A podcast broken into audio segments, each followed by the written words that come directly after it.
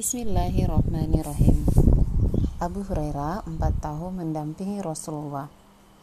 Sejak masuk Islam, Abu Hurairah selalu mendampingi Rasulullah di mana pun beliau berada. Di masjid, Abu Hurairah berdampingan dengan Rasulullah. Abu Hurairah terlihat sedang menghafal apa yang dikatakan oleh Rasulullah. Di perjalanan, Abu Hurairah mendampingi Rasulullah. Saat sedang istirahat di perjalanan, Abu Hurairah duduk di bebatuan di tengah padang pasir sambil menghafal apa yang dikatakan Rasulullah. Aku tumbuh sebagai anak yatim dan hijrah sebagai seorang yang miskin.